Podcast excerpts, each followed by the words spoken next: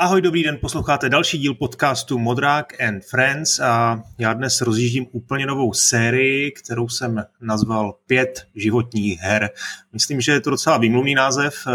Na úvod bych rád jenom vysvětlil, že jsem se formou inspiroval mým oblíbeným podcastem eh, Games Industry Biz, kde spovídají eh, herní vývojáře a mluví s nimi o pěti hrách jejich kariéry.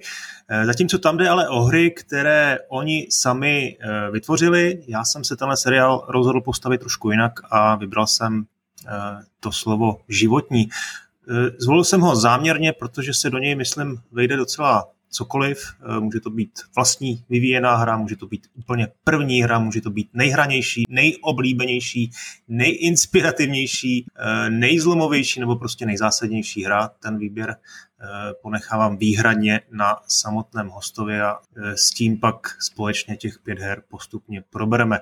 No, do prvního dílu moje pozvání nepřijal nikdo jiný než František Fuka, člověk, který stal u z rodu české scény jako vývojář, jako publicista a určitě taky jako hráč. Bylo to už před nějakými 40 lety, tak doufám, že si to bude všechno dobře pamatovat. Ahoj Franto, jak se máš a co nazdar, hraješ? Nazdar, nazdar. Hele, eh, naposled jsem hrál eh, Voxel Tycoon. Říká ti to něco? tak to jsem neslyšel v životě. Prosím to, je? to, je, to je teďka uh, v early, uh, jak se tomu říká na Steamu? Uh, early access. Jo, v early access na Steamu a je to, že bych to popsal, kombinace eh, Transport Tycoonu a Factoria.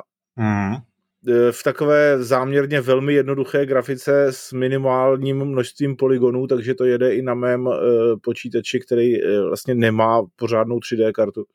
Jasně. A hodně dobrý? Uh, jako je to early access, jako zatím to zkouším, jako ne, já jsem hmm. to začal hrát někdy před dvěma dny a jako rozhodně to nehraju od rána do večera, takže prostě jako zkouším, jak se obsluhují města, udělal jsem si první nějakou továrnu a uvidíme, zkouším.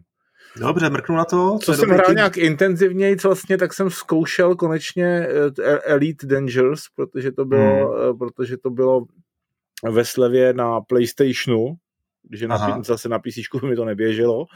A tak jako a líbí se mi to, že to je hardcore poměrně a, je, a musíš se naučit, jak vůbec třeba odstartovat nebo jak zatáhnout podvozek poměrně složitě. Uvidíme. Hmm. Hmm. E, prosím tě, mám, musím i na tebe mít záhodnou otázku, e, svoji obligátní. E, po těch 40 letech je potřeba definitivně vyřešit zásadní spor, který 8 byty nejlepší. ZX Spectrum, Commodore 64 nebo Atari 800? No, pokud bych chtěl být jako, samozřejmě bych okamžitě měl říct, že ZX Spectrum, protože jsem ho měl, to je jako první varianta, že jo. A pokud bych měl jako objektivně to uh, rozsuzovat, tak uh, zaprvé musím vypustit to Atárko, protože fakt o něm moc nevím. Já jsem ho nikdy neměl a možná hmm. jsem ho jako třeba eh, jako několik hodin v životě viděl z dálky, jak na něm někdy něco hraje, takže to fakt nevím.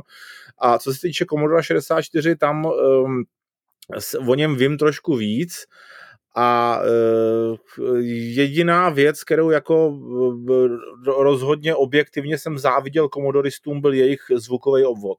Uh-huh. A jinak myslím, že jsem byl e, šťastný e, ze spektrem tak, jak to šlo. Ty barvičky tam jsou hezčí, jo, říkáš.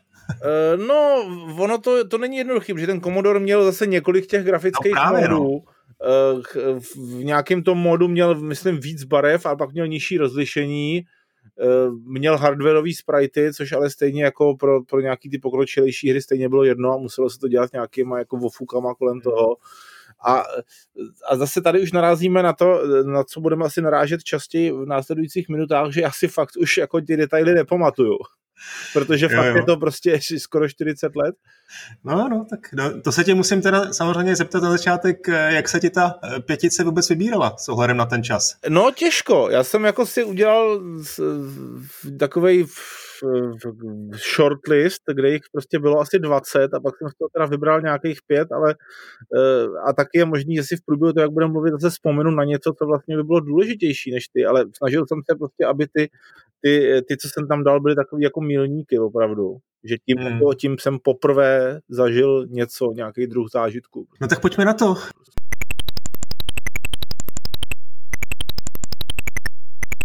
První hra je plošinovka od vývojáře Matthewa Smithe, vydaná v roce 1984, nejprve na ZX Spectrum. Jde o velkolepé pokračování slavného Manic Minera Jet Set Willy. Tak proč zrovna Jet Set Willy? Eh, protože to bylo, myslím, poprvé, kdy jsem měl takový ten pocit, že ta hra obsahuje prostě nějaký veliký svět tajemný, který můžeš eh, proskoumávat a zabere ti to potenciálně mnoho hodin a Eh, pokud teda jako nepodvádíš, tak ti zabere mnoho námahy, aby ses dostal prostě po, do další místnosti a tam vidět, co úžasného se tam skrývá a eh, jaký je další tři místnosti se, to, se ti otevřou tím, že tam vlezeš. A což je dneska poměrně jako standardní feeling, který máš, že jo, nebo měl bys hmm. mít u většiny her, ale myslím, že tehdy prostě to bylo poprvé a to, že se to vešlo prostě celý do paměti toho eh, spektra, eh, bylo taky poměrně revoluční. A nevím, jestli máme tady rozebírat, jak ta hra vypadá a co se tam děje, to si asi lidi najdou, nebo si to pamatujou. Ne? Eh, no, prosím tě, já jsem tady vytáhl se své knihovničky, ukážu to tobě na kameru, tvoji knížku počítačové hry, já nevím, jestli to napsal, no muselo by to být někde, já nevím, Tohle teda vydal Ultrasoft, takže už to vydal asi po revoluci, ale... Já myslím, já mám dojem, že to je uh, reedice knížky, která no, vyšla no. v komunistickém svazarmu jo. jako dlouho, dlouho předtím. A tady hned první stránka, jo, úplně první vlastně hra, kterou, o který mluvíš, ta kapitola se jmenuje Matthew Smith a jeho šílení horníci. Uh, tak já kousek přečtu. Matthew Smith, pouzbuzen úspěchem Manic Minera, začal pracovat na jeho pokračování a tak vznikl Jet Set Willy, trhák všech trháků, stal se nejprodávanější hrou pro ZX Spectrum. Uh, tak tady je ten příběh. Willy uklízí po bouřlivém večírku a musí pozbírat eh, víc než 80 předmětů rozházených ve svém domě a jeho okolí. Teprve potom ho jeho manželka pustí odpočinout do ložnice. Děcet Willy má přes 60 místností, mohl by jich mít ale ještě více, protože každá zabírá pouze 200, 256 bitů paměti. Myslím, že bajtů. Uh, dobře, bajtů, tak tady máš bitů. A je takřka nemožné všechny předměty uh, vyzbírat a hru Eh, úspěšně zakončit a tady samozřejmě okamžitě hned na té první stránce proflákáváš nějaký cheaty mm-hmm. a mhm. pouky, klasika, jak to tehdy bylo. No, tak se tě chci zeptat, eh, dohrál jsi to někdy, nebo asi to, e, šlo bez, to vůbec dohrát? E, jako asi to šlo dohrát, ale rozhodně jsem to nedohrál bez cheatů, tak hardcore jsem jako nikdy nebyl, protože tam jsou jako věci v Jet Set Willim, že jako někdy špatně skočíš a tím přijdeš třeba o no, všechny no, no. životy, že jo, protože tam si... No hlavně tam musíš skočit úplně přesně, že jo, tam jsou jsou tam jako přesně na pixel, pixelový. No, no, myslím, no. že dokonce v, v úplně původní verzi toho Jet Set Willyho to dohrát nešlo, protože tam byl jeden blok někde špatně, myslím v místnosti Benian Tree, a potom vydali jako novou verzi, kde ten jeden blok teda přesunuli, aby to vůbec šlo dohrát. Mám dojem. Takže rozhodně jsem to nedohrál, ale jako rád jsem se tím procházel a taky jsem se rád procházel. Potom bylo takový to, ten Jet Set Willy 2 nebo Jet Set Willy Special, který vlastně nedělal von, ale bylo to rozšířený ještě o spoustu dalších hmm. místností. Hmm a e, bylo to první takový ty pocity prostě toho, že proskoumáváš nějaký ten virtuální svět v té hře, což do té hmm. doby, jako neříkám, že Jet Set Willy asi nebyl první, ale prostě tam byl první, který jako, u kterého mě to tak jako dostalo, že jsem si, že jsem si představoval, kam by se tohle mohlo vyvinout za 30 let a samozřejmě jsem to neodhadl. No, já si vybavuju samozřejmě tvoje hry 8 a tak se chci zeptat, jako, jak velký jsi, no, jak vášnivý jsi vlastně byl hráč? Jestli, jestli si jako se věnoval spíš tomu programování a tomu zkoumání těch eh, toho počítače, nebo jestli si hodně hrál? Ale to je jednoduchý, protože já jsem začal programovat proto, že jsem chtěl hrát ty hry, takže eh, já jsem se začal o programování zajímat po té, co jsem viděl jednak v televizi a jednak na nějakých výstavách prostě první tehdejší počítače a první hry, které se na nich hrály, což, což většinou neměli vůbec grafiku. Hmm. A říkal jsem si, tohle je super, prostě vol, chci trávit volný čas, jako ne, ne se s kamarády uh, čuk, kopáním do míče, ale tím, že budu prostě hrát takovéhle věci na počítači.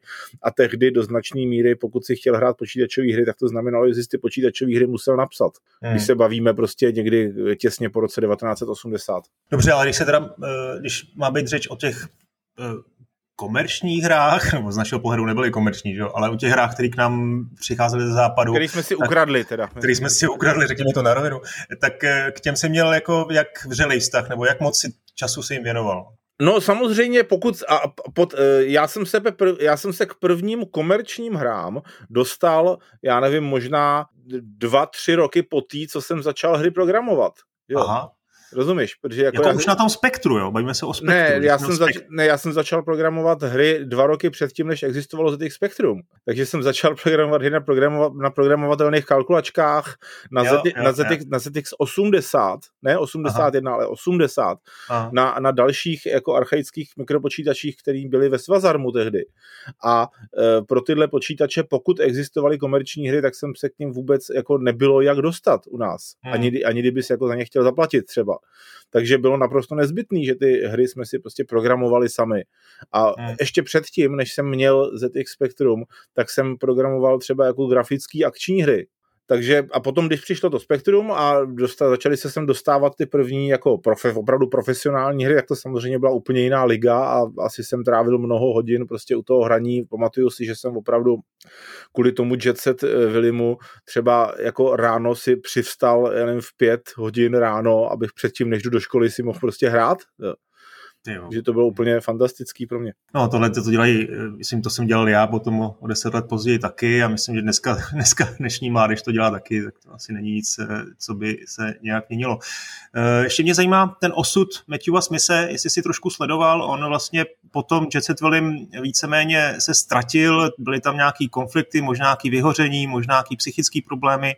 Vím, že nedávno vyšel v Retro Gameru, no už je to taky pár let, eh, rozhovor s ním, kde to nějak jako trošku uváděl na pravou míru, zkrátka ztratilo to zájem. Eh, pamatuješ si něco, sledoval jsi to? Já jsem to jako v posledních letech ne, ale vím, že třeba před deseti lety jsem se koukal jednak na nějaký eh, rozhovory s ním starší, kde už jako bylo vidět, že jako něco mentálně s ním buď není v pořádku, nebo je hodně na drogách. A hmm. potom vím, že nějakou dobu prostě totálně zmizel a, a jako lidi hledali, kde je. Teď se zrovna aktuálně koukám, na eh, stránku Where is Matthew Smith, kde se snaží zjistit, jako kde teda aktuálně je. Uh, a je tam nějaká lokace teda? Uh, koukám, koukám, koukám, no, koukám hlavně, kdy, ze kdy je poslední update, což tady se přiznám, že nevidím. Vím, že v, tady píšu něco, že v roce 2013 ohlásil, že zase pracuje na nějakých hrách. Aha. Ale to už je taky, to už je taky, že 8 let. Hmm. Takže možná prostě někde zmizel. Jako, eh, musím se přiznat, že ne, nemů, eh, kdy, jakkoliv jsem obdivoval jeho hry, tak po té, co jsem ho viděl v nějakém tom rozhovoru, tak nejsem si jistý, jestli bych třeba jako osobně s ním se chtěl setkat a mluvit, protože by hmm. připadal jako, hmm. opravdu jako hodně mimo. Hmm. Ale tak konec konců, když jako jeho první hra je o tom, že ti tam uh, honějí klapající záchody, tak asi byl mimo od začátku. OK, pojďme na druhou hru.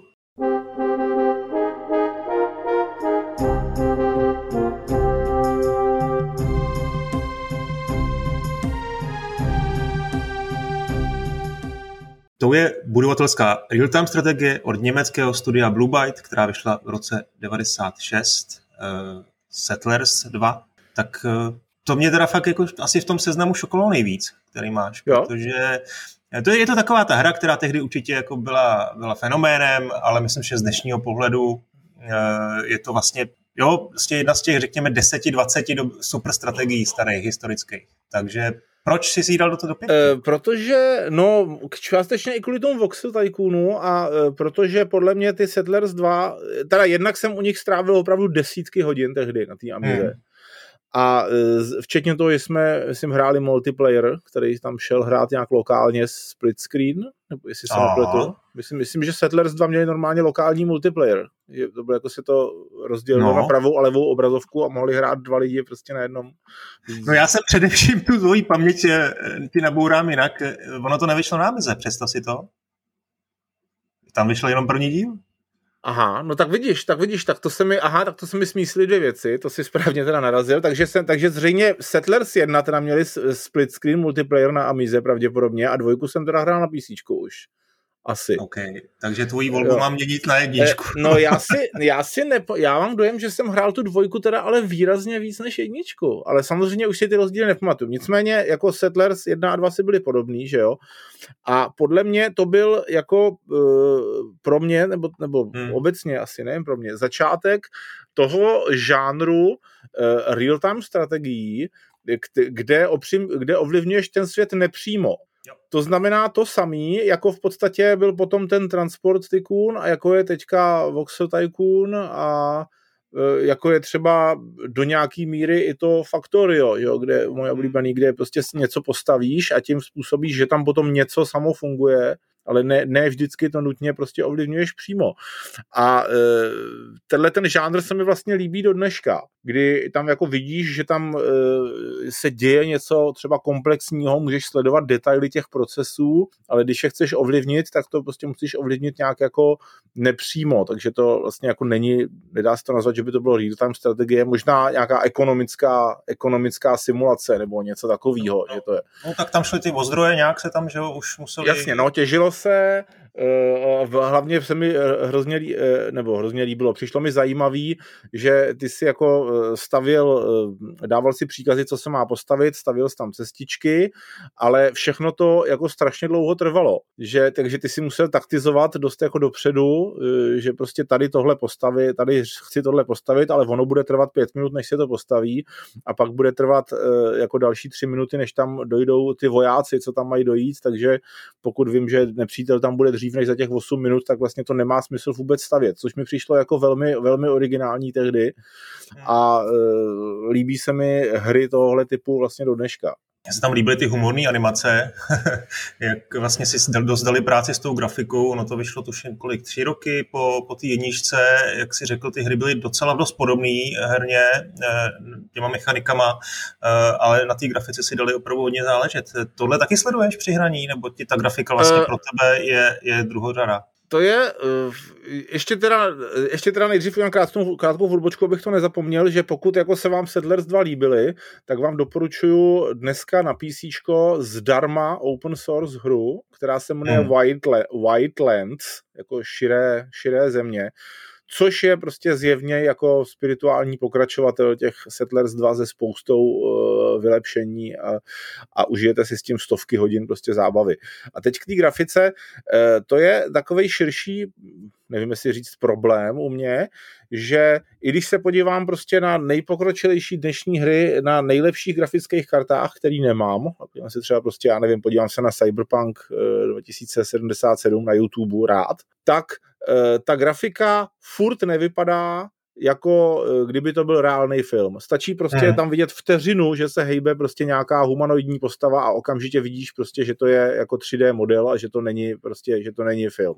A to, a to mluvím i o scénách. I když tam, i když tam jsou scény, které jsou prostě eh, motion capture, tak prostě furt to jako z toho nemám zdaleka takový emocionální dojem, jako když se koukám na film. Takže z tohohle ohledu vlastně dávám přednost tomu, když ta grafika je nějakým způsobem stylizovaná, zjednodušená, protože pak tam nemám ten pocit toho, jak se tomu říká, to uncanny voly, že to jako se snaží vypadat skoro jako realisticky, ale rozhodně to realistický není. A e, vlastně jako mám rád i e, hry, které jsou nějaký třeba úplně, úplně abstraktní nebo používají nějaký typ grafiky, který je úplně originální a pokud někdy třeba jako dodělám nějakou hru ještě, tak, tak určitě to bude hra, ve které bude grafika základ, zásadně záměrně primitivní nebo velmi abstraktní.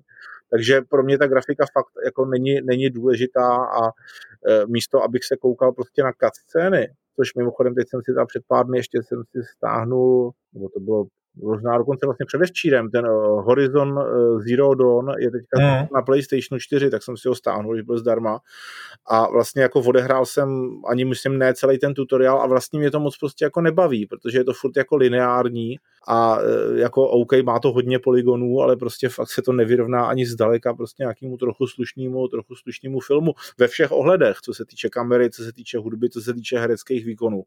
A jako je možný, že kdybych dohrál ten tutoriál, tak se tam otevře nějaký ten open open world a konečně to bude zábavná hra, ale prostě ten tutoriál mě vlastně jako, v podstatě jako otravuje tolik, že nemám moc jako motivaci to a ho ani jako dohrát. Takže to je hmm. takový jako můj přístup na starý kolena. A ještě k těm settlerům se musím vrátit. Já si bavuji, že ta hra byla docela zdlouhavá, že tam vlastně... Ano, to, to, to budování trvalo strašně dlouho. No ale ty jsi tam mohl, ty jsi mohl zrychlit čas, ty jsi mohl zrychlit čas, jo. No ale že prostě tu mapu si hrál třeba několik hodin. Jako ano, ano, takže na, na zabíjení takže, času to bylo dokonalý. A to se chci ptát, jestli jsi teda hrál i ten single player, nebo jsi se spíš soustředil na ten, na ten split screen, měl jsi s kámošem eh, ne, spíš, No spíš single player z toho důvodu, že jsem to neměl s kým hrát, že, že jako se ke mně nechodili kámoši tak často, aby tam mohl prostě jako několik hodin zůstat a zkou, zkoušet to se mnou. Vím, že potom, jako když jsem měl Amigu, tak jako jednu z prvních uh, her, uh, který jsem hrál opravdu online, byl Populous a teďka, hmm, myslím, nevím, jestli jednička nebo dvojka, Teď se mi to zase trochu jako splývá. Ten, ten co mě byl normálně spriteový v izometrické projekci, to byla asi teda Populous jednička. Jo. A to jsme a. hráli opravdu přes modem, prostě jako multiplayer e, mezi sebou, což asi, asi jako první hru v mém životě ale zase moc toho to nevydrželo, protože už jsem to měl jako tak nahraný, že jsem prostě úplně jako rozprášil vždycky ty, ty kamarády, s kterými jsme to hráli je třeba jako, aby, aby to nebylo jako moc okatý, tak jsem jako toto rozehrál a pak jsem si šel jako udělat večeři a nechal jsem to běžet. A pak jsem se vrátil a roz, rozmet jsem je. tak jo. Uh, no no, přejdeme dál na třetí hru.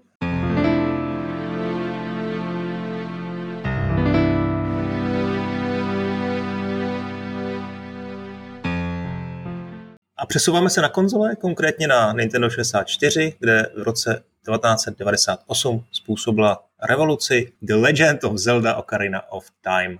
No tak tajně, ještě než se dostaneme k té samotné hře, tak mě zajímá, jak jsi se vlastně dostal k těm konzolím. E, ke konzolím jsem se dostal asi tím, že dost těsně po revoluci, když jsem poprvé vyjel, e, myslím, že s redakcí Excalibru nebo s kým e, na nějaký ten veletrh videoher, což bylo úplně jako že shocking pro mě samozřejmě. To byl, to byl nějaký Hanover nebo nějaký Asi něco, něco takového, bylo to v Německu, rozhodně to bylo v Německu a tam jsem si koupil úplně původního starého Gameboye Aha. se hmm. dvěma hmm. hrama. A e, takže tě vlastně můj začátek s konzolema. A mimochodem jsem si na něj koupil Final Fantasy Adventure, což asi hmm. jako dneska skoro nikdo nezná. Není, je, to hla, je to hra, která vlastně jako není jako Final Fantasy, ale spíš, no. spíš kopíruje e, třeba osmibitovou Zeldu starou. Hmm. A to mi přišlo fantastický, dost jsem jako uvažoval, jestli to nedat mezi těch pět her taky, protože to bylo poprvé, kdy jsem jako cítil nějaký prostě jako emoce z toho, že tam prostě maličký černobílý sprite běhají a jenom prostě z toho, jako jak běhají a co je přitom za texty a za hudbu. Ale pak jsem si uvědomil vlastně, že ta Zelda v tom byla ještě intenzivnější, ale nicméně, takže to byl můj začátek s konzolema a potom vlastně Uh, pak jsem měl uh, PlayStation 1 a Nintendo 60, počkej, co bylo před Nintendo 64 těsně? Od Nintendo? O, no, no, no. No SNES? Tak ten jsem neměl, ten jsem neměl. Takže opravdu asi jako potom teda konzole jako byly až, že jsem měl PlayStation 1 a potom Nintendo, Nintendo 64.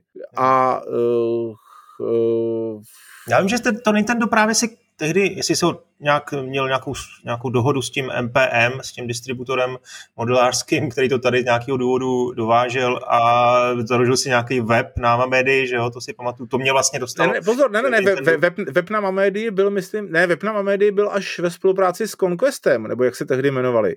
Hmm. Až, až, až, když přišel, až když přišel Mr. Kantor a to převzal Jasně. jako vážně, tak jako jednu, Fakt, z, jednu z prvních věcí bylo, že prostě jako on, myslím, kontaktoval mě, protože jsem byl asi jako jeden ze tří lidí, kteří nějak jako se projevovali prostě pozitivně o, o konzolích tady. Hmm. A myslím že, myslím, že mi tehdy jako nějak e, Lacino prostě prodal to Nintendo 64 kantor a prostě ty první hry na to a tehdy teprve jako se založilo na těch mamedích ta, ta sekce o, těch, o, těch, o tom Nintendo. A, zdraví, no. Zdravíme Pepu, ten nás určitě poslouchá. Eh, nemáš ten web náhodou někde v archivu? Ty vím, že si všechno schováváš. E, nevím, jestli ten, jaký starý weby mám. Můžu se, počkej, já si vlastně můžu podívat rovnou. Mám tady, mám já, tady jsem koukal na, já jsem koukal, koukal na archive.org a tam teda nějaký jako záznamy malý jsou, ale jsou to jenom útržky a tohle by mě docela zajímalo, že to je taková ta část... Uh, uh, bohužel, to je moc starý. Mám, mám tady nějak... Ne, ne, ne, ne, ne, ne. Vlastně, a nejsi, vlastně někdo se mě na to nedávno ptal, to byl jsem byl já. To, to jsem byl já. jestli náhodou nemám v archivu, tak ho pořád od té doby nemám v archivu. Ale mám v archivu, mám v archivu třeba v, v, v, v stránky propagační k filmům, který jsem dělal. No to vím, že si teď někde jsem to teď poslouchal. Před lety, ale bohužel to Nintendo už je pryč. Ale ono teda se přiznám, že tam toho jako moc, moc se neobjevilo, než, než ty Mamedia zase nějak jako za, zanikly neslavně. Hmm, hmm, hmm. A... No o to, o to by mě to víc zajímalo, to, že tam psal o tom hardwareu pár her nějakých. No pojďme k té Zeldě, tak eh, to byla jakoby zásadní hra? Nebo to, je to byla zásadní hra z toho důvodu, že prostě do té doby jsem jako nezažil na žádný konzoli nic, co by mě prostě dokázalo tak jako emocionálně sebrat. Že opravdu, když jsem to dohrál do konce toho té základní story, tak jsem opravdu prostě byl dojatý což jsem jako mm-hmm. fakt jako nezažil u žádné hry jako předtím. A mm. uh, nevím, říkám, nehrál jsem vlastně žádný ty Zeldy předtím, protože jsem neměl ty, ty Nintendo konzole, ale tady se to snoubilo prostě jednak teda ten emocionální dopad a jednak s tím, že to byl teda vlastně jeden z prvních pokusů takový jako open world, vlastně bylo fantastický, jak to bylo rozsáhlý ta hra, i když byla, já myslím, že to celý mělo 16 megabajtů ta hra. Hmm. To prostě je neuvěřitelný z dnešního hlediska. Jo. A e, nebyla to, jako předtím mě hodně dostal taky i, ten Super Mario 64, jo, první vlastně Jasně. pořádná skákačka ve 3D, Golden Eye, který teďka si nejsem jistý, jestli byl předtím nebo potom, to bylo zase vlastně jako takový pradědeček first person shooterů, to mě taky jako dost, dost jako sebralo, ale prostě ta, ta Zelda, to zase byly opravdu když už jsem byl, a to jsem byl tehdy už jako že, dospělý člověk a u té Zeldy opravdu zase se stávalo to, že jsem k tomu sednul a teď koukám prostě, že je pět hodin ráno prostě a za hodinu mám jít prostě někam jako tlumočit, jo. Jo. A pak jsem při tom, pak jsem při tom simultánním tlumočení v kině usnul, protože jsem prostě předtím jako hrál Zeldu celou Takže eh, a ty, ty zážitky, kterými možná dneska jako chybějí ve spoustě her, že uh, jsem si tam v té zeldě řekl jako moment, tady třeba, tady je, se zvedá padací most, to znamená, že kdybych já byl vychcanej a prostě ve správnou chvíli si tam stoupnul, když se bude zvedat, tak jako ten most by mě mohl zvednout nahoru a já bych se mohl dostat až na to cimbuří toho hradu, kam se normálně nedá jít. A co se potom stane? A teď jsem to udělal a, a tam bylo prostě něco, za odměnu, že ty tvůrci zevně jako počítali s tím, že to někoho napadne. Hmm. A tohle mi přišlo jako prostě eh, z hlediska herního designu tehdy, že to jako nemělo prostě moc jako nic, co by se tomu rovnalo. Tak eh, ta cinematická gameplay, to je jasný, to byl velký šok, to opravdu asi tehdy nebylo uh, zvykem. Nicméně ten design, ty mechaniky, to, to byl ten Nintendo styl, to je ta Nintendová škola Shigeru Miyamota. Mm-hmm bylo v tomhle něco zásadního, čím tě to jako oslovilo? Čím... No jako obecně, prostě, že si, že si jako musel vidět, jak strašně si dali jako s tím záležet nejen s tím designem, ale prostě s tím třeba, že to museli opravdu stovky nebo tisíce hodin potom debugovat a počítat se všema jako blbostma. Samozřejmě, že tam je spousta glitchů, který se že do dneška použije při těch speedrunech, to, no, pochopitelně. No. Ale přišlo mi to jako, že tolik jako investovaného času a piplání prostě do těch her, že jsem předtím jako neviděl moc ani na těch, ani na těch PC hrách, který jsem že už hrál tehdy, ani na, na těch uh, předchozích konzolích. Nevím, třeba na PlayStation 1 bylo hodně her, včetně třeba, že já nevím, Final Fantasy 7, který jsem samozřejmě hrál a bylo to super a rozhodně prostě, uh, když to skončilo, tak jsem si řekl, OK, tak to mám dohraný a jako možná jsem se tam dojal při nějakým tom filmečku, jak tam pohřbíváš tu mrtvou jo, kámošku, ale eh, to, že bych to zažíval jako průběžně prostě při hraní té hry a vůbec ten pocit toho, že jako objevuješ něco tajuplného, ty environmentální zvukové efekty v těch, v těch dungeonech, a zase všechno to, prostě na to všechno se dívat tím prismatem, že kompletně celá ta hra prostě musela mít 16 MB nebo 32. Každopádně prostě jako směšný objem.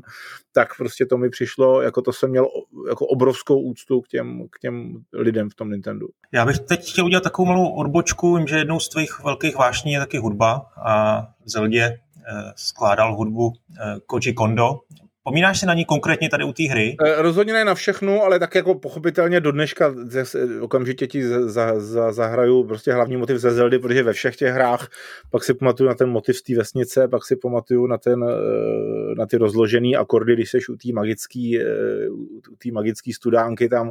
Rozhodně, rozhodně je to jako velký a rozhodně třeba do dneška Eh, mám, mám někde v playlistu třeba tracky z nějakých těch nových Zeld, jenom kvůli té hudbě, i když jsem tu hru samotnou třeba pořádně nehrál. Hmm. Třeba ta, ta Zelda na víčko, jak se proměníš na toho vlka, tam mě prostě moc nesebrala, rozhodně jsem ji nedohrál ani. Hmm, hmm. No tím se taky jsem se chtěl zeptat, eh, co ty další díly Zeldy, jestli už to trošku pro tebe bylo. Uh... Nic mě tolik nesebralo, jako hodně se mi líbila, extrémně se mi líbila ta Breath of the Wild, ta poslední na Nintendo 64, což je ale vlastně jako jiný tým, už myslím, že? Jako na Switchi. No, no, na Switchi, na Switchi, eh, pardon, na Switchi. No, jasně. A uh, kdy zase z technického hlediska vlastně je to, se to nemůže rovnat jako věcem na PC, který jako už existovaly v tu chvíli, ale prostě zase ten, to, jakým způsobem si dávali na tom záležet, eh, je to prostě pro mě jako triumf, to, triumf eh, level designu. I ta, I ta poslední Zelda, ale jako není to už takovej šok, jako pro mě byla prostě ta na tom Nintendo 64. Dobře, tak můžeme přejít na čtvrtou hru,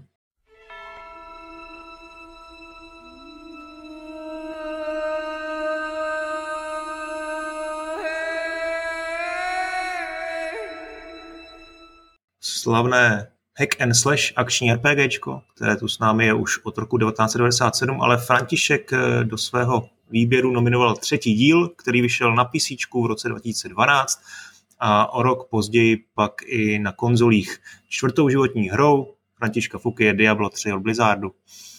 Tak ty si tam specificky napsal, že jsi to hrál na konzolích, že ano, protože, na protože vlastně ano, nikdy jsem to nehrál na PC a podle jako z běžných informací na konzolích je to Diablo 3 výrazně jiné a e, nebo ani si nedokážu představit, jak by nemohlo být výrazně jiné, protože je na těch konzolích vyloženě jako to uživatelský rozhraní navržený prostě pro, e, pro gamepady.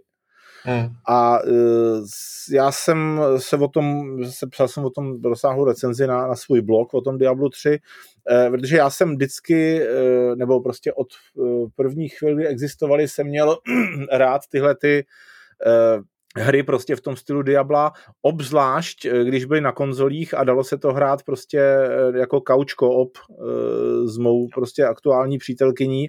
Myslím, že prvně jsme takhle objevili před mnoha lety uh, Gauntlet, ale Gauntlet už, už trojrozměrný. Myslím, že na PlayStationu, myslím, že na PlayStationu 2 to bylo. Abych jo, to byl Gauntlet Legends, myslím, že se to jmenovalo. A, no a na konci, myslím, že první boss byl nějaký lich, a my jsme tomu začali tehdy s tehdejší přítelkyní říkat, že budeme, že dneska si dáme, dneska půjdeme na licha. A pak jsme říkali chodit na licha prostě i u jako čtyř dalších podobných her, které jsme hráli, eh, jak byl potom třeba ten Baldur's Gate ve stylu hmm. Diabla, hmm. taky na konzole. Hmm.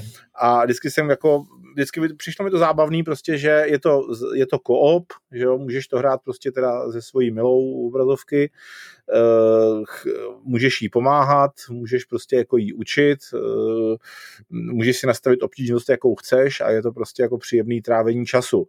A myslím, že to Diablo 3 tohle to dotáhlo prostě do, jako k dokonalitě, kdy eh, se mi v podstatě líbí všechny jejich rozhodnutí, které tam udělali, že eh, třeba eh, má to, má to nějakou story, kterou jako dohraješ, ale vlastně celá ta story je de facto jako jenom tutoriál, že jo, pak se dostaneš na level 70 a pak tebe začíná ta, ta, ta vlastní eh, pořádná hra, kdy eh, prostě hledáš a kraftíš ty eh, patřičné vybavení a chodíš do těch náhodně generovaných dungeonů a můžeš tam strávit tolik desítek nebo stovek hodin, prostě kolik chceš.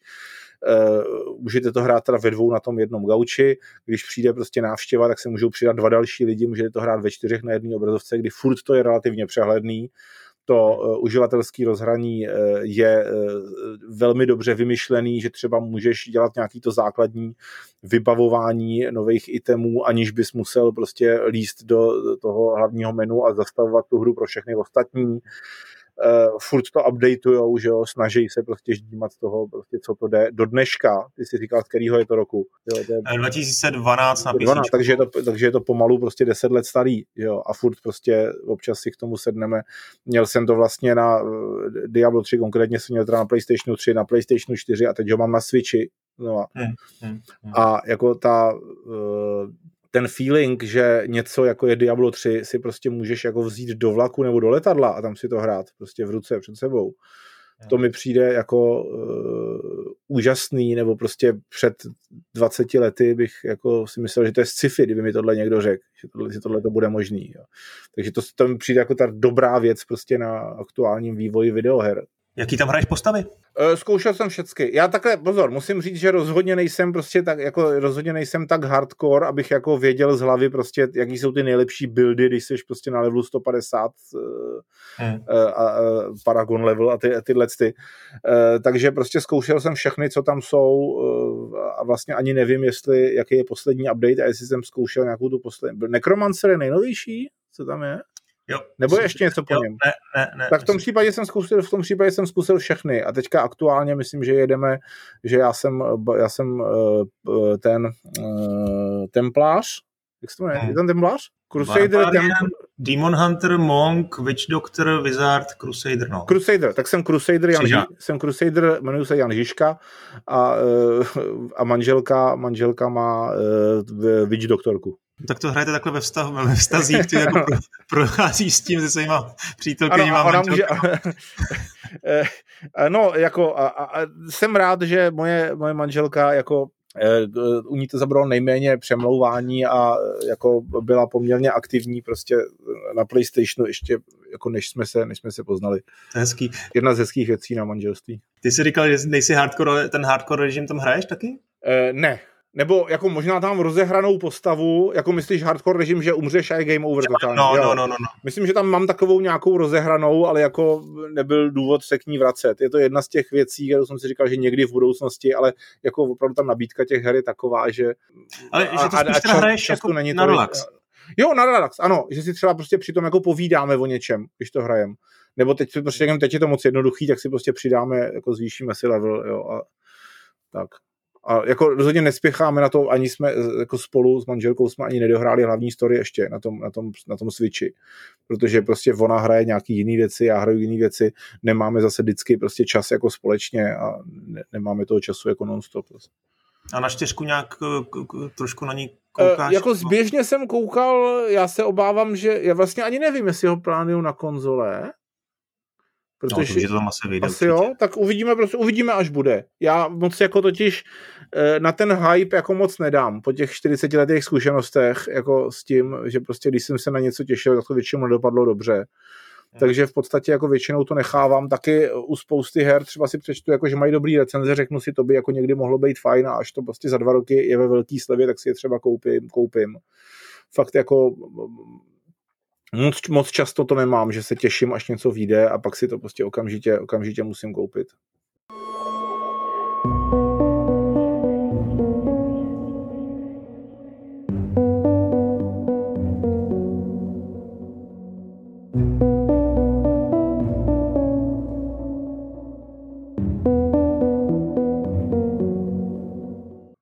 Konečně pátou hrou je hra, která vyšla v předběžném přístupu v roce 2016 a v ostré verzi teprve nedávno eh, v srpnu 2020. Je to česká hra od studia Vube Software a vyšla výhradně na PC a jmenuje se Factorio.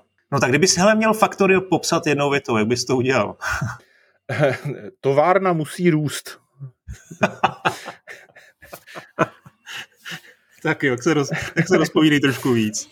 Eh, Factorio je eh, podle mě Takhle, nejdřív teda krátký popis. Řekněme teda, že lidi nevidí, co to je Factorio, což je podle mě jako kriminální, ale Factorio eh, je hra, kdy začínáš s panáčkem na, si stroskotal prostě na opuštěné planetě a cílem hry je postavit raketu se záchranou zprávou zřejmě a vyslat ji z té planety. Abys postavil raketu, tak potřebuješ mít eh, raketodrom a potřebuješ mít palivo a potřebuješ mít suroviny, z kterých postavíš tu raketu. Abys měl raketodrom, tak potřebuješ tisíc něčeho, deset tisíc něčeho jiného, dvacet tisíc něčeho jiného. Abys měl palivo, tak potřebuješ několik uh, rafinérií ropných, uh, do kterých musí, a těžní věže, má uh, těžíš nějakou prostě ropu a jiné suroviny. Abys měl ty těžní věže, tak musíš prostě mít železo, abys měl to železo, tak musíš mít železnou rudu, kterou musíš nějak sklidit a nějak přetvořit na to železo a tak dále. A takovýhle je tam, je tam takovýhle strom obrovský. A na začátku prostě máš jenom krumpáč, a nevím co a prostě a, několik, a hrst uhlí nebo něco takového. Hmm. A ta hra je o tom, že opravdu jako začínáš takhle od nuly a postupně prostě musíš vynalézat a stavět a automatizovat, což je jako zásadní, že ty prostě rozhodně by, tu hru jako by si hrál stovky let, kdybys to jako měl všechno kopat ručně, takže musíš vytvořit těžní stroje, musíš vytvořit nějaký způsob dopravy těch natěžených, natěžených surovin, to znamená na začátku dopravní pásy a podavače, později vlaky, ehm, a e, potom e, první prostě výrobní stroje, pak se z toho stane továrna, pak se z toho stane megatovárna, no a celou dobu na tebe ještě útočejí tam prostě e, zlí brouci, před kterými se musíš bránit, když přičemž ovšem já jsem v Factoriu nahrál, myslím, že to bude určitě přes tisíc hodin už a hmm. většinu toho hraní jsem měl ty brouky buď úplně vypnutý, nebo jsem je měl prostě na nějaký jako minimum, že vlastně mě neotravovali, pokud jsem já nechtěl, aby mě otravovali. A stejně jsem si užil uh, z obrovské množství jako zábavy a poučení z toho, že prostě zjišťuješ, je to ultimativní hra pro nějaký lidi, kteří jsou trochu obsesivně kompulzivní nebo autistický, což jsem asi já a uh, máš tam prostě furt takový, že vidíš, jako teď, to je, teď konečně mi to jede tak, jak bych si představoval. No, mm, moment, tady to trošku jako drhne, to možná, kdybych to tady jako trošku vylepšil, tak by to bylo úplně dokonalý. Jo, teď to tady funguje, jo, ale teď mi to zase následkem toho začalo drhnout tady na druhé straně té továrny, no, tak že bych to taky ještě opravil a ježiš, no a už jsou čtyři ráno. Jo, a e, Což jako rozhodně není jenom můj případ. E, ona, ta, ta hra je v podstatě ve spriteový dvourozděrný grafice, takže vypadá jako něco 20 let starého, když prostě ukážeš screenshoty někomu. A e, jako několikrát se v mém životě e, jako opakoval velmi podobný scénář, kdy jsem prostě to Factorio někomu ukázal, řekl jsem jako tohle je super, tady prostě můžeš dělat takovýhle továrny, ještě teda to má multiplayer, že tam může vás být 50, že jo, po jedné továrně. A e, tak jsem to někomu ukázal a on říkal, no to je, to je jako trapný, prostě v roce, jako v roce 2010 budu hrát hru s takovouhle grafikou a, a pak se prostě druhý den podívám na jeho, na jeho Steam a má tam prostě druhý den ráno nahráno 16 hodin Faktoria ten člověk. Hmm a pak mi nadává prostě, že, že se zmeškal, zmeškal zaměstnání prostě ten den ráno. E, takže a e, takže je to hra, která se mi hodně líbí a e, velmi oceňuju prostě vlastně jako odvahu těch e, vývojářů, kteří jsou Češi mimochodem, že udělali něco takového, co je vlastně jako strašně, bych řekl, nekomerční a oldschoolový až skoro retro, a že i po té, co ono, ono to vlastně verze 1.0 byla až někdy, myslím, loni, ale, hmm, už, jo, ale už několik let předtím to bylo naprosto jako do, eh, dokonale hratelný. A doteďka furt to vylepšujou a jako není, není výjimkou, že třeba prostě každý týden jako nový release eh, a furt dělají prostě bugfixy doteď a vylepšení a vylepšení modování a skriptování, kdy jako v tom Factoriu je velmi komplexní systém, kdy prostě pomocí eh, jazyka Lua a nějakého prostě designování eh, grafiky v libovolném svém programu si můžeš to vlastně přetvořit na úplně jako jinou hru, že tam zkoušeli lidi prostě v tom dělat jako real-time strategie, zkoušeli v tom udělat prostě RPG hru, všechno jako hmm. v tom, v tom engineu toho Factoria. Teď ty mody jsou všechny prostě na centrálním portálu, který je přímo jako součástí té hry, takže jenom v té hře si klikneš já chci mod a teď ti tam vyskočí prostě několik set modů seřazených jich podle popularity, ty si jenom naklikáš, který chceš, oni si ti stáhnou, nainstalujou sami. Prostě eh, je to ideální eh, hra eh, pro jakoby takový ten svěží závan z těch dob prostě starých hardcore her, který ti jako nevodějí za ručičku.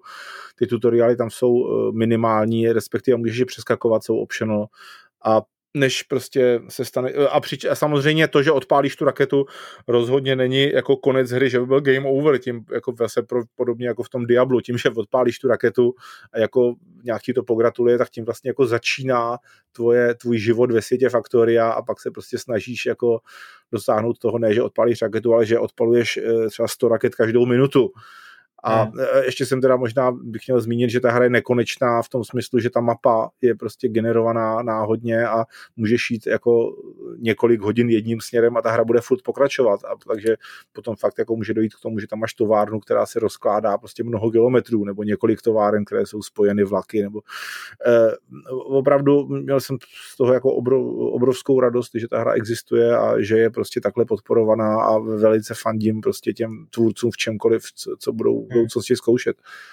Ty jsi napsal v roce 2017 na blogu recenzi, dal jsi tomu 100%, trochu jsem z toho měl pocit, že to je takový ten přesně ten typ hry, který, který by si chtěl udělat sám. Jo, jo, jo, to je tohle... přesně, ano, ano, to je, to, je, to je pro mě jako velký vzor prostě toho, eh, jako když uvažuju o tom, jak by měla vypadat prostě nějaká hra. A já by, já, jako když to budu dělat, tak protože já nejsem ani tak dobrý grafik, abych prostě udělal dvorozměrný sprite, tak eh, v mém případě to asi bude jako ještě jako blížší třeba tomu, tomu Voxel Tycoonu, že tam jako nic, nic nebude mít prostě víc jak 30 eh, polygonů. Hele, a byl jsi s nimi nějak v kontaktu s těma vývojářema? E, jako v jakém smyslu myslíš? V nějakém kontaktu jsem s nima byl, jako, jako tyká, tykám si s těma, s těma lidma tam, e, byl jsem e, kdysi před mnoha, mnoha lety, jako když ještě prostě to bylo v nějaký verzi 001 a tak se mi to už tehdy líbilo a nabít jsem jim, jako, že bych jim rád udělal hudbu, z čehož jako už se šlo a máte teda hudbu někoho jiného dneska a byl jsem teda, když dělali release té verze 1.0, tak jsem tam jako, oni pozvali nějaký novin, novináře a podobní lidi, tak jsem prostě tam šel, že jako teda chci vidět, jak vypadá release prostě česk, moje české oblíbené hry a byl jsem jediný, kdo tam přišel na tu akci. Yeah. Takže jsem tam byl já teda s manželkou a se psama a, a, a 20 lidí, 20 lidí z toho, z toho vůbec tak jsme si tam jako hezky popovídali prostě o budoucnosti eh, videoher a o tom, jak, jak teda dělat jako PR na hru. No on ten jejich osud je strašně zajímavý. Eh, oni téměř zkrachovali, eh, už to vypadalo, že měli nějakou tu kampaň crowdfundingovou, no peníze nevybrali, už neměli skoro co jíst, byli někde v bytě zavřený, prostě dělali to opravdu 20 hodin denně, 7 dní v týdnu, už to skoro chtěli vzdát a najednou v tu chvíli se to otočilo a uviděli to světlo. Začalo, se, to prodá- začalo se to prodávat, jo? Nějak, to, no, nějak se to tam prostě, myslím, že to Indiegogo. Prostě Ježíš, tak to je dobře, to je, to je, to je dobře, Takže... že jim to povedlo, protože to bych jako fakt prostě, to bych byl nešťastný, kdyby jako na, na nějak zkrachovali na tomhle. Teď vím, jako, zároveň... že, jsou, že jsou za vodou víceméně. No, no a zároveň tam je zajímavá věc ještě i druhá teď, eh, že to vlastně mají kolik, ty čtyři roky na, na Steamu a ani jednou to nezlevnili. Jo, a což oni zase, což zase od začátku říkali a dodrželi to, což jako, jako já budu, že je super. Jo? No, určitě, určitě. A, a e, trochu mě fascinuje, nebo takhle, ne, ne, že by mě to fascinovalo, tak jak to zapadá, zapadá do toho obrazu, prostě co mám o e, herní žurnalistice současný, že prostě to Factorio je, myslím, na Steamu se jako konstantně drží v nějakých třech nejlépe hodnocených hrách jako vůbec, co jsou na hmm. Steamu. Jo, jo. A takže to prostě by znamenalo, že to fakt jako je dobrá hra objektivně. A opravdu, co jsem koukal ještě nedávno, tak prostě eh, takový ty velký herní publikace jako o tom, o tom buď vůbec nepíšou, ani nenapsali prostě recenzi, nebo z té recenze vidíš prostě, že ten člověk to opravdu hrál prostě nějakých pár hodin a vlastně ho to sralo a už to chtěl mít za sebou. Jo, což jako je asi jako jistým způsobem pochopitelný, protože Eh, protože prostě musíš do toho investovat tolik hodin, že kdyby tolik hodin do toho investovali, tak nebudou mít čas prostě psát jako těch, tu jednu recenzi týdně, nebo kolik musí prostě, že jo, pracovně. Na druhou stranu jsem z toho trochu jako, je mi z toho trochu smutno, že prostě, já nevím, eh, nova, novej, eh, nová NBA nebo NHL prostě od, od Electronic Arts prostě má všude jako halo kolem toho a jako byl bych, byl, byl, byl bych rád, kdybych žil ve světě, kde prostě budou u dálnice prostě billboardy na Factorio, že jo. Což se no jasně, to bylo. Což se asi nestane. A, ale jako, je to jistým způsobem i o tom, jako, že já jsem naprosto akceptuju to, jak, jak já jsem jako okrajovej, že jo. A že to Factorio teda, jako sice jim vydělalo dost peněz, ale nebude prostě nebude z toho, já nevím, popkulturní ikona, jako je... Jo, to, je prostě to je jako dost otázka, protože ty okraje, které opravdu byly dřív v okraje, tak teď už možná se nestávají, nebo nejsou takový okraje uh, a stává se z nich třeba i trošku mainstream, ono na streamu, na, na, na Twitchi to docela frčí. Trošku, tam, trošku, jako, to si řekl hezky, jako, dostávat, ano, trošku mainstream. Samozřejmě je to o té no. My jsme ve Skore, to kolega Viktor Bocan to vždycky vášně propagoval, napsal velký recenze, dali jsme tomu strašně moc, ale jak říkáš, no, na tom IGN asi ten člověk eh, bude mít trošku jiný vkus, bude radši hrát to NBA, můžeme si o tom myslet svý, můžeme si číst, co chceme a mm. hold, asi bych jim to nevyčítal. No ale zaplať pán Bůh, prostě dneska jako ten stav té herní scény je tak, takovej, že jako není problém, aby nějaký indie člověk Přesně. přišel s ano. něčím a uvrhl to na Steam a, a dokonce i na těch konzolích, že jo, na tom PS4 nebo na, na tom Switchi je eh, k nalezení dost bizarních japonských her, který prostě eh, jsou něčím originální a zaujmou mě, i když třeba jako nejsou přeložený moc dobře do té angličtiny, takže nerozumíš, o co, co tam jde a není k ním návod, ale zase prostě stojí třeba dvě stovky, takže prostě je to něco, je to něco zajímavého, jo? protože já zase už mám trochu únavu materiálu že jo, ve svém věku a po svých zážitcích, že je dost těžký přijít s něčím, co je jako fakt originální a pokud tam něco takového je, tak jako není zase už dneska takový problém se k tomu dostat a nemusíš si prostě posílat importované disky eh, z Japonska a učit se japonsky kvůli tomu. Jo. No ale máme ještě tak pět, možná deset minut, eh, já bych teda rád zůstal u těch životních her aspoň, tak ještě mi řekni něco, co jsi měl dalšího na tom shortlistu v těch 20 hrách třeba. Řekněme. No tak na tom Nintendo 64 jsem říkal tam ty, potom eh, na, na eh, ZX Spectru to byly ty eh, první 3D hry od Ultimate Play the Game, hmm. to znamená Nightlore a Alien 8, jak se to jmenovalo? Alien, no, Alien no, asi, no, no, no. A uh, což mimochodem, uh, mimochodem uh, tyhle ty, ty samý lidi, ty Ultimate Play the Game, to jsou ty samý lidi, kteří potom je. získali tu velkou slávu prostě jako Rare a udělali Killer Instinct, udělali to Golden Eye a potom je koupil Microsoft a velmi, velmi, nes, velmi ošklivě nechal v podstatě vyhnít. No, no, no, no tak jako teď přece jenom dělají ten Sea of Thieves, což zase má nějakou svoji cílovou jo, ale to nejsou už zase Rare, to jsou zase jako jiná, jiná společnost, nebo je to jako Rare? Je to, to, Rare, je, to, to značka Rare, jo, aha, ok, ok, tak, tak, tak to je dobře. Já jsem naposled viděl, že dělali nějaký takový ty strašný Kinect hry a pak je v podstatě jako zavřeli. Jo, to no, dělali, no, no. no, ta naštěstí to dopadlo zase trošku líp, jo, potom úplně, to, ale tady tak ten... To, to jim taky přeju. Potom uh, asi nesmím pominout na ZX Spectru, myslím, a mysl, to si nejsem jistý, byl bych rád, jestli mi to někdo potvrdí nebo vyvrátí, že eh, hra, která se jmenovala St- Stonkers, jestli Aha. to pamatuješ ten název, že neznám. byla na ZX Spectru, že byla vůbec první real-time strategie na jakýmkoliv počítači. Jo kdy jsi tam měl prostě, já nevím, čtyři kanóny, čtyři autíčka, čtyři zásobovací vozy a čtyři panáčky, nepřítel měl také to tež a prostě posunovali jste je po uh, poměrně velký mapě, z který si viděl výřez, to všechno na 48 kilovém spektru. Dobře, já spolu s ostatníma posluchačema zapátráme a dám ti vědět, to, to je zajímavé. Že to bylo revoluční, potom mě velmi, velmi zaujali uh, Pokémoni jako úplně první na Game Boy, kdy zase hmm. tehdy rozhodně to nebylo prostě to, co je dneska Pokémon, jo.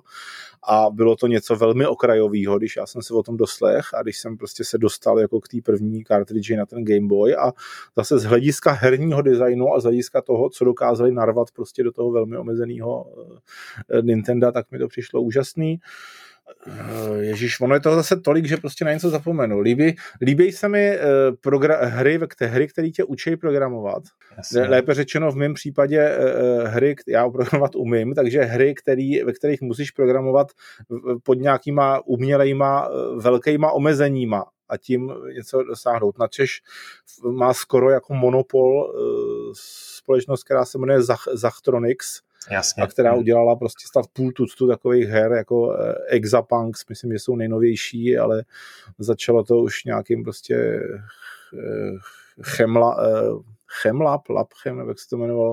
Já si ty názvy no, nepamatuju, jsme o tom psali hodně. No, nebo úplně, úplně hardcore od nich je TIS, TIS, TIS 1000, což je v podstatě jako jenom v textovém módu, že, že programuješ po, po, počítač, který je jako velmi stupidní, ale za to má 12 jader, který spolu musí komunikovat, což jako je, mi přijde jako origi, originální věc. Prosím tě, co Baba Is You? To bych viděl na to. Jo, na Baba, Baba Is You se mi líbila jako nápad, ale nedohra, nebo jako do, rozhodně pár desítek levelů jsem tam odehrál, ale nelíbí se mi, což se mi jako obecně nelíbí u her a nelíbilo se mi to ani u Baba Is You, že vlastně jako uh, dokončíš ten jeden level a tím, se jako musíš zresetovat a začínat prostě druhý, druhý level jako znova od nuly. Což je jako samozřejmě problém i těch programátorských her, že to máš prostě vodění na ty levely. Moc se mi naopak líbí to, co je v tom Faktoriu, že vlastně se učíš v průběhu jednoho světa, který prostě furt jako zlepšuješ víc a víc, případně si tam uděláš někde stranou něco, kde si experimentuješ, pak to případně propojíš s tím zbytkem té továrny. Tohle je přístup, který se mi líbí a nelíbí se mi tolik prostě, že máš jako oddělený levely a jako obecně, obecně vlastně se mi nelíbí, že máš jako eh, předdefinovaný konkrétní levely chvíli od tvůrců, protože pak, jako když se ti to teda jako opravdu hodně líbí, tak to dohraješ do konce a co dál a můžeš prostě tu hru odložit. I z tohohle důvodu mám hodně... Tak eh, ten puzzle design si o, o to asi žádá, ne? Že no, no asi... ale proto mám hodně, mám hodně rád hry, které mají prostě autogenerované levely. Jo? Nebo nějakým způsobem aspoň prostě permutovaný a modifikovaný, e, takže tím se zase dostáváme k těm nevím, roguelite, je v poslední, době, roguelike, jo, v poslední době se mi jako třeba hodně se mi líbil ten uh, Hades. Ano, ano. Uh, teďka něco velmi podobného je Curse of Dead Gods, nebo něco takového, tak nějak se to jmenuje na, na Switch, což je jako hodně... A tam ti nevadí eh, u těch roguelike her, no. že, že to je hodně, jako, hodně obtížný obvykle? Ne, protože to je tak obtížný, jak chceš. Ty jako ty můžeš prostě hrát opatrně, protože většina těch roguelike her dneska už má, že i když tě zabijou a začínáš zase od nuly, tak tam je něco, co si přeneseš prostě do toho dalšího života a čímž se můžeš jako průběžně trochu furt zlepšovat.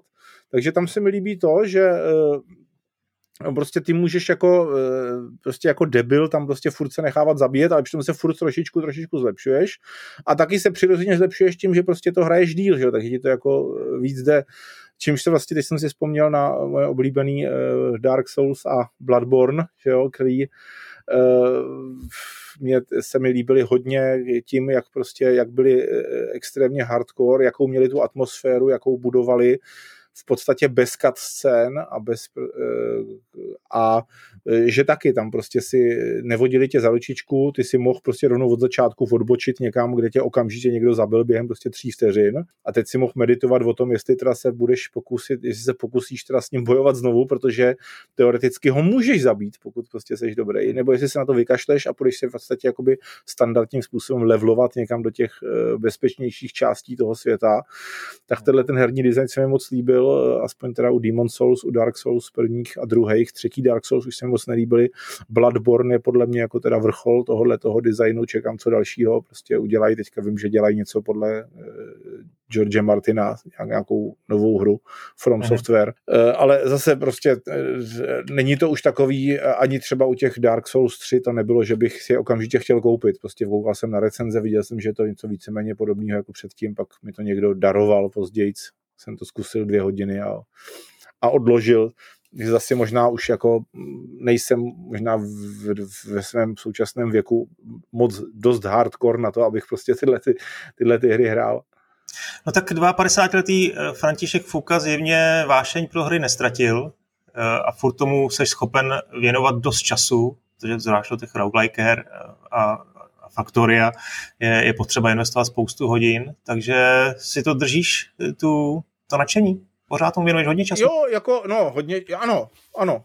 Jako když mám, když mám uh, volný čas, tak jako jedna ze základních věcí, které v tom volném čase dělám, je, že prostě sednu, sednu k nějaký hře a eh, jako furt, furt jsou hry, které mě baví. Není to prostě samozřejmě, nevím, kdy jsem naposled vstal v pět hodin ráno, abych mohl hrát hru. Jako, myslím, že to už pár desetiletí bude, co se to naposled stalo, ale jako furt to je věc, která jako je pro mě zajímavá a hlavně teda jsem jako hrozně vděčný, že uh, moje manželka nejenže jako mi to toleruje, ale že prostě jí to samotnou baví. To mi přijde jako teda Eh, úžasný, že třeba teď jsme teď narazila na 2.0 Hospital, Hmm. Nebo teda jsem pišnej na to, že se mi podařilo upgradeovat jí z jejich oblíbených Sims na 2.0 Hospital, kterou pokládám za menší shit.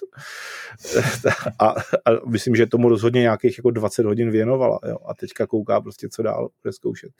Takže to je, tak to má být. Tak Franto, moc ti děkuju, že jsi mi věnoval čas. Já teda přiznám se, že mám těch témat, který bych s tebou chtěl probrat víc. Hrozně rád bych eh, zaspomínal na, na dobu, kdy jsi eh, vyvíjel a programoval hry na, na to Spektrum, jak jsi tam ty, dělal ty, ty, ty hacky a krekoval jsi to, tak třeba za pár měsíců si dáme repete a pro dnešek ti děkuju. Dík, čau. Čau. Thank you.